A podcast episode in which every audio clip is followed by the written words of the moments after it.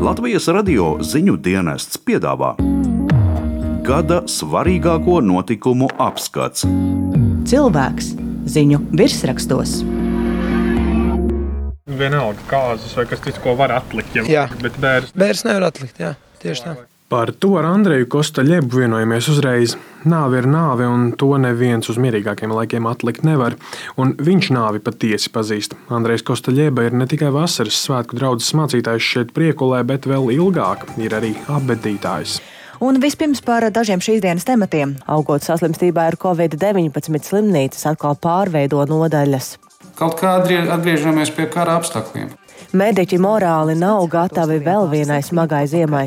Covid-19 dēļ Latvijā izsludina paaugstinātu gatavību veselības aprūpē. Latvija sasniegusi Eiropā augstāko mirstības līmeni ar covid-19. Un tieši par lielo mirstību, smago saslimstības vilni un psiholoģisko spiedienu ar Andreju runājam. Pie Andreja biju ciemos jau šī gada februāra beigās, kad runājot par smago covid infekcijas norisi priekulas veco ļaužu aprūpas namā. Tieši Andrejs varēja apliecināt, darba kā apbedītājam tolaik bija ārkārtīgi daudz.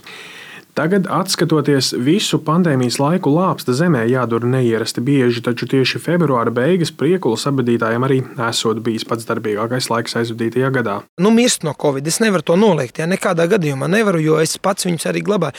Visstrakāk bija tā, ka, ja man bija mēneša norma, kaut kāds cipars, es neteikšu, ja, ko mēs apglabājam ik mēnesi, tad tajā laikā bija tā, ka mēs četras nedēļas no vietas glabājām nedēļā mēneša normu. Jā, no vietas vienkārši bijām noguruši jau reāli. To es nu, fiziski, tāpēc ka skrējām nu, ļoti daudz. Bija jārok un jānes un jāgatavo un jāsagatavo ar klientiem tikšanās, plus zārku tas nevar atvest, jo visur tas bija traks uh, moments tāds un tad bija grūti. Jā.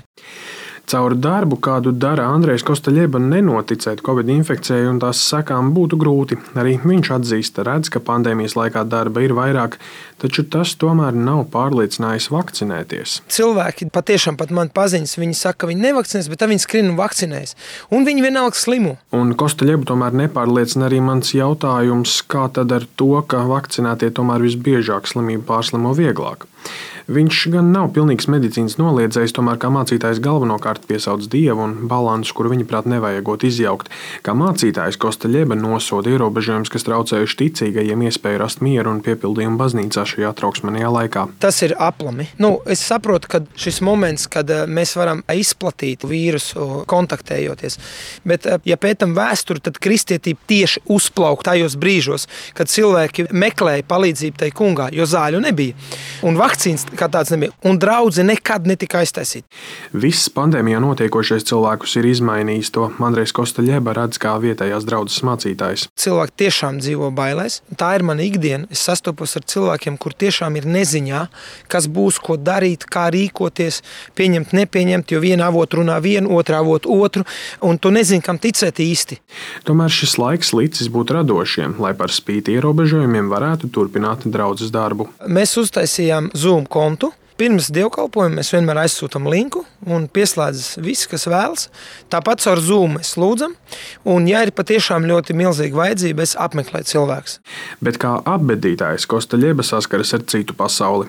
Covid laika bērnu ceremonijas ir ar ļoti stingriem nosacījumiem, kuri obligāti jāievēro. Tībām bērns organizējam tā, ka tikai kapos un tikai tā, cik ir atļauts. Tā maisaimniecība viena līdz desmit cilvēkiem. Protams, ka cilvēki vienalga grib atnākt uz bērniem, jo viņiem tas ir bijis, piemēram, medību kolektīva vadītājs. Kā viņš var neatnākt? Viņi nes lielo vainagu. Jā. Tad uh, cenšamies ievērot visu, kas ir nepieciešams, teiksim, ievērot distanci. Tā arī bija, bija bērns mums, un viņi bija teiksim, tā, izkaisīti pa kapiem. Interesanti kapi, pilni ar cilvēkiem, bet nav jau pilni, vienkārši ir izkaisīts ļoti. Un tad jānoliek ziedus un uzreiz iet ārā. Tiek no, pateikt runa, ielaižam, teiksim, zārciņu kapiņā, aprok, skuiņas. Un tad puķis liek, un cilvēks uzreiz jau prom. Jā, tas nav tā kā agrāk varēja pastāvēt, pārunāt, pārunāt par dzīvi. Tas ir ļoti mainījies. Cilvēkiem ļoti pietrūkst patiesībā sadraudzība. Man ir gadījums, kur viena sieviete teica, ka viņa paņems visu atbildību uz sevi. Viņa saka, ja vajadzēs samaksāt sodu, es maksāšu sodu tik, cik vajadzēs, jo tā ir mana mamma. Un es vēlos pavadīt savu mammīti kā pienāks. Arī dienā, vēl novembra pirmajā pusē, kad esam sarunājuši interviju, to nākas nedaudz pārlikt, jo atkal ir bēres un darbs ir jāpadara. Tik traki kā gada sākumā nogalē nesot, taču arī priekule un tās apkārtne, tāpat kā visa Latvija, vēl aizvien ikdienas zaudē negodīgi daudz cilvēku. Cilvēks ziņu virsrakstos. Kristaps Feldmanis, Latvijas radio.